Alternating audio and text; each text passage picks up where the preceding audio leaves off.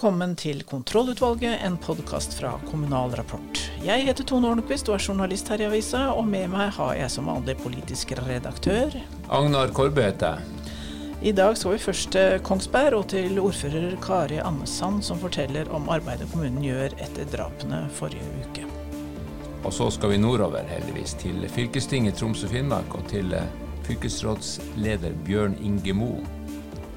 Vi skal også snakke om eh, distriktspolitikk, som blir en hovedsak for den nye regjeringa. Forsker eh, og professor Håvard Teigen har eh, noen tanker om hva som bør gjøres. Og til slutt, litt Se og Hør. Er dagsorden godkjent, Tone? Dagsorden er godkjent, og møtet er satt.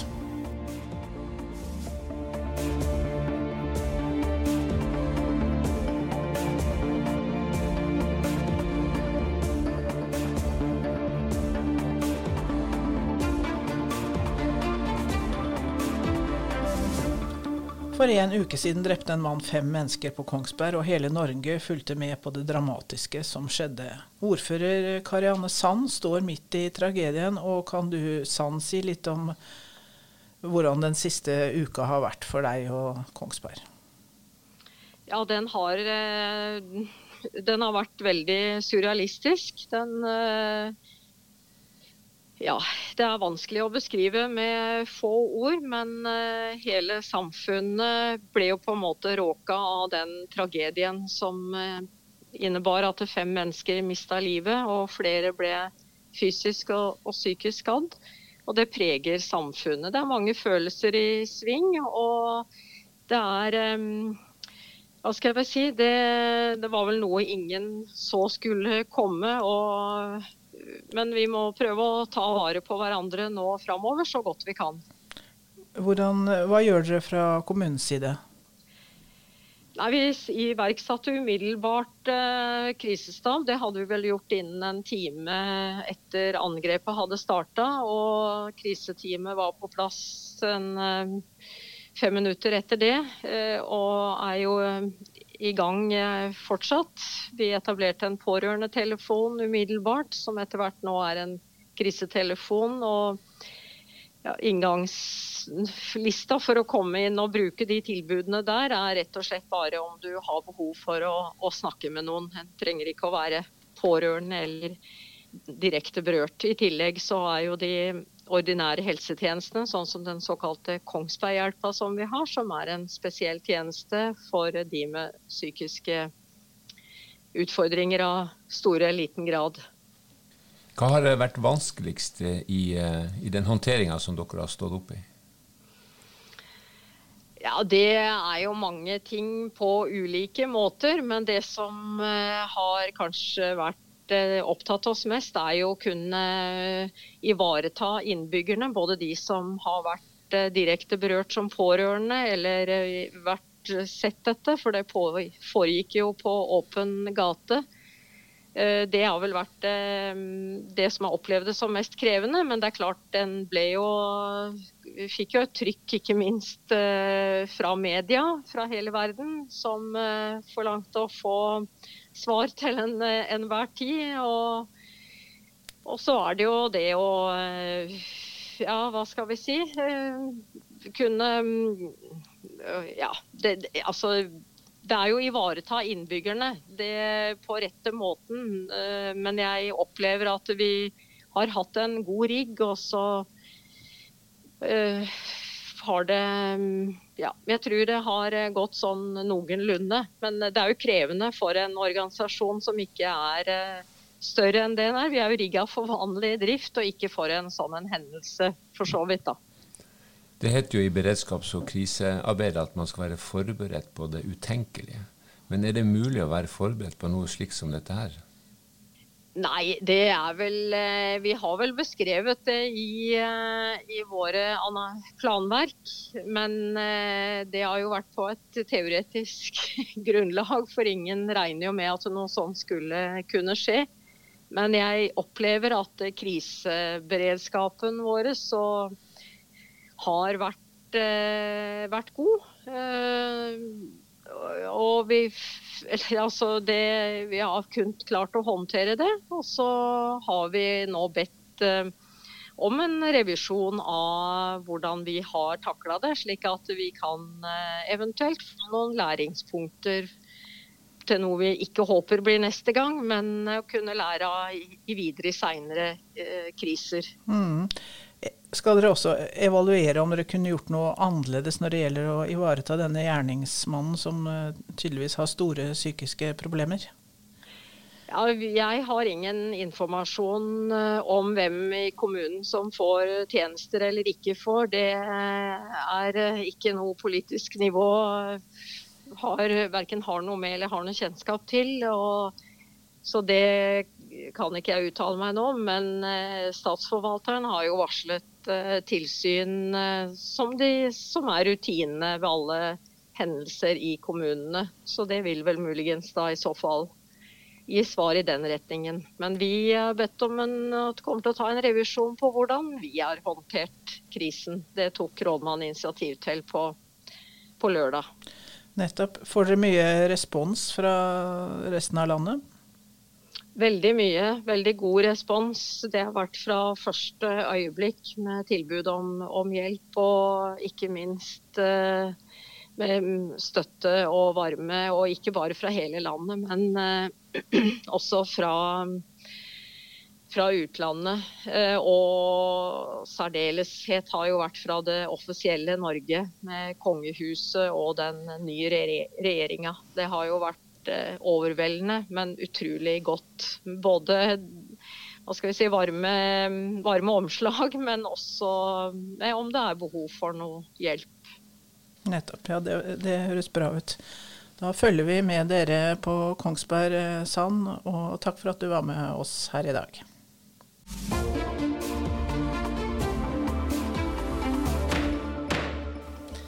Da har vi med oss eh, fylkesrådsleder Bjørn Ingemo fra Arbeiderpartiet og for, fra Troms og Finnmarks fylkeskommune. Denne uka er det fylkesting, og du Mo skal jo orientere om eh, veien videre mot eh, oppløsning. Hva skal du si til fylkestinget? Nei, jeg skal, jo, jeg skal, jo, orientere om det jeg vet foreløpig. Og det er jo ikke så forferdelig mye. For det er jo ikke så ofte sånne her oppdelinger gjennomføres. Så vi må jo også gå i dialog nå med departementet for å få en forskrift i forhold til oppdelinga. Men jeg ser jo at det går jo et uh, halvannet års tid før vi er ferdig med alt det praktiske. Men er det sånn at dere nå er i ferd med å, å deles i, uh, i den praksis med to, to administrasjonssteder? Det har vi jo hatt som praksis, men det vi kommer til å gjøre nå, og som kanskje det første vi gjør, det er jo å dele opp administrasjoner, slik at du har en egen administrasjon for Finnmark og en egen administrasjon for Troms, hvor du har alle funksjonene på begge administrasjonssteder. Ja, så skal, Da skal Finnmarksadministrasjonen være på huset i Vadsø og Troms i, i, i Tromsø? Ja, vi satser på at vi vil organisere det som to prosjekt. Et Troms-prosjekt og et Finnmarksprosjekt. Men de skal selvfølgelig behandle bare de sakene som gjelder etablering av det, de nye fylkene. Ja, og politisk så blir det jo da fylkestinget som skal være som det er.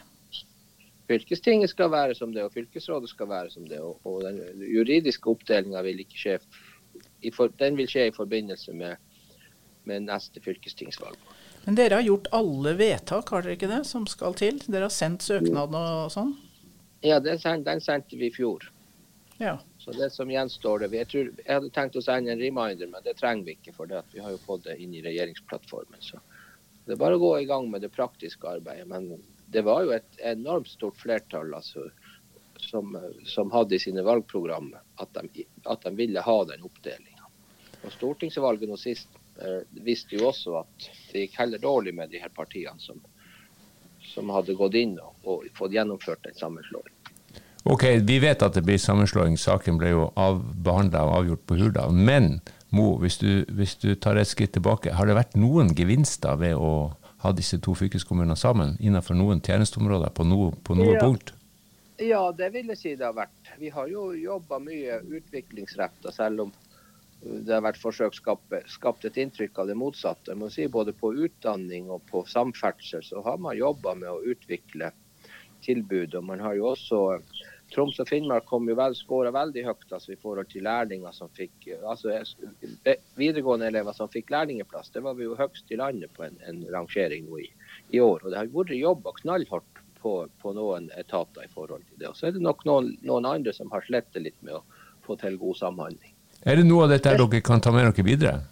Absolutt. Det er, det er, mange som bruker begrepet reversering, men jeg mener at vi skal bruke begrepet oppdeling, og så skal vi samarbeide videre og bygge på det vi har oppnådd. Ok, Det høres eh, veldig bra ut at det er noen gevinster som blir tatt med videre. Men den politiske ja, kraftsamlinga som tross alt man sier kan være fint for Nord-Norge å ha, den, den blir borte? Ja, det, men jeg tror jo at mye av det kan eh, erstattes av, av videre samarbeid. Og så er det sånn at vi har det er litt ulike kvaliteter altså, mellom, mellom de her to fylkene. Altså på hva man er sterk på, og ikke minst den strategiske betydninga av, av, av, nordområdene framover vil nok bidra til at man, at man vil styrke Nord-Norge. Har du et råd til Viken som skal gå i gang med en sånn her prosess? Ja, jeg har, jeg har et, et, godt råd til Viken. og det er jo at man må, man må, man må Sånn som det med Viken, så bør man gjennomføre. Jeg syns de har lagt et veldig fint løp på det. At, de skal, at, man skal ha en liten utredning og se på hva som har gått bra. og hva som, For det er veldig viktig å ha med seg faktisk det som har gått bra, og det man har fått til. Det er fint. Det har, så det har ikke vært helt uh, bortkasta? Nei, det har ikke vært bortkasta. Altså, så blir man jo kjent med folk og ser at man har jo de felles interessene og man, ja, felles politikkområdene man er opptatt av. Så vi har jo faktisk nå hatt, I løpet av de her to årene så er det andre gang fylkestinget møtes fysisk. Ja. ja men det er bra det at det ikke alt er bortkasta, Mo. Eh, da sier vi takk til deg, og så følger vi med videre på hva som skjer med Troms og Finnmark. Den nye regjeringa lover jo et løft i distriktspolitikken. Og Det har mange regjeringer forsøkt før. Så nå skal vi snakke med professor emeritus Håvard Teigen ved Høgskolen Innlandet og spørre om hva som er distriktspolitikk, og hvorfor dette er et så viktig politikkområde i Norge. Du vet, Tone, jeg var innom eh, den forrige kommunalministeren i forrige uke, han Astrup, han, da han la fram forslaget til statsbudsjett. Så poserte han med ei bok som heter 'Distriktspolitikkens historie'. og Den sto igjen på kontoret da den nye kommunal- og distriktsministeren overtok. Og Denne boka her er det du som har skrevet, Håvard Teigen, så da må vi spørre deg, hva er egentlig distriktspolitikk? Distriktspolitikk eh, det er eh, politikk som eh, gjør at offentlig finansierte ressurser eh, får en klar geografisk adresse eh, til eh, utkantkommuner til distriktskommuner. Det, det er den vide definisjonen.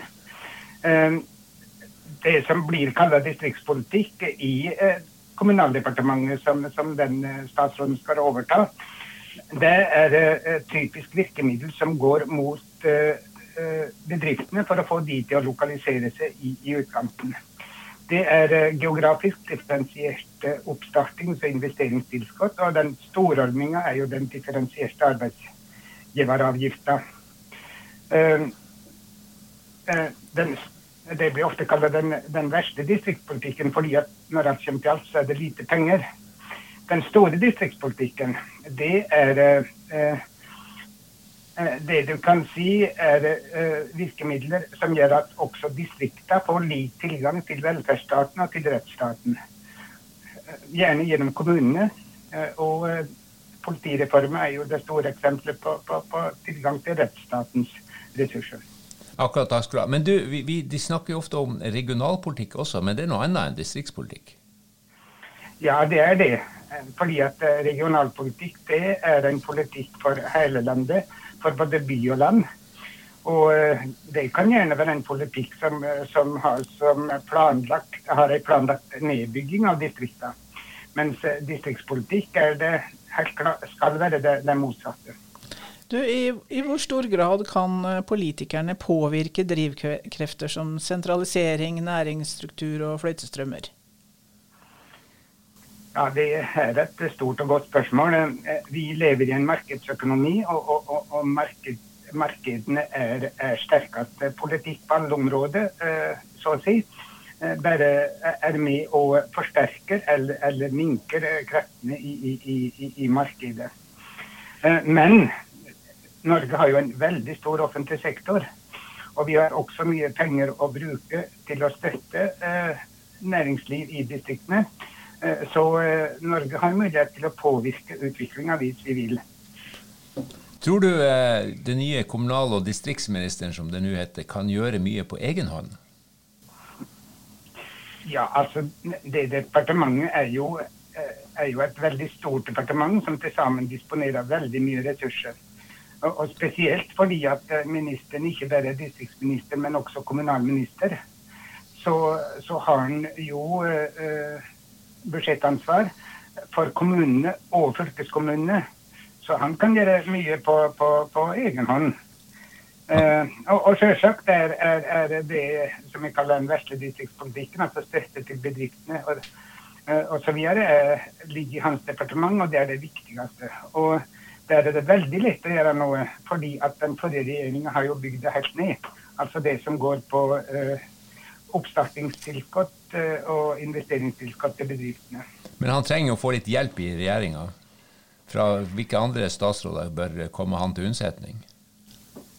Ja. Eh, som jeg har sagt før, så jo eh, så, så, så, så, har vi jo en stor eh, eh offentlig sektor. Så, slik sett eh, så kan alle statsråder komme til unnsetning. F.eks. ved å sørge for at uh, nye arbeidsplasser ikke blir oppretta i uh, storbyene. Og ved et forslag som har blitt aktuelt etter koronakrisa, og i alle som ikke har tjenestefunksjoner, anledning til å bosette seg også i distriktene. Akkurat. Helt til slutt Men, men, men, ellers er det jo noen departement som er viktigere enn andre. Ja, riktig. Ja, Landbruksdepartementet er jo et eksempel på, på hvor galt det går hvis en ikke gir pengene ei klar geografisk adresse. Akkurat. Der går jo de store overføringene til, til bynære strøk. Helt til slutt, vil eh, denne satsinga på distriktspolitikk som gjennomsyrer Hurdalsplattformen, kunne forsterke konflikten by-land? Ja, Det kan skje fordi at det kan ramme eh, sterke grupper i, i, i samfunnet eh, som er tjent med den sentraliseringa som vi har hatt. Men eh, de 20% fattigste er veldig tjent med en aktiv distriktspolitikk. Skulle, befolk skulle bli befolkningsnedgang i storbyene, så ville husprisene der gå ned. Det blir lettere for de eh, med lite penger å komme inn i boligmarkedet. Og på landsbygda vil det hindre at, at de som bygger seg huset hjem, vil tape penger, slik som det er nå. Slik som Dorman-utvalget har vist at det er nå. Ok. Fint, Håvard Teigen. Du får mye å forske på fremover, så vi takker deg for uh, at du tok deg tid.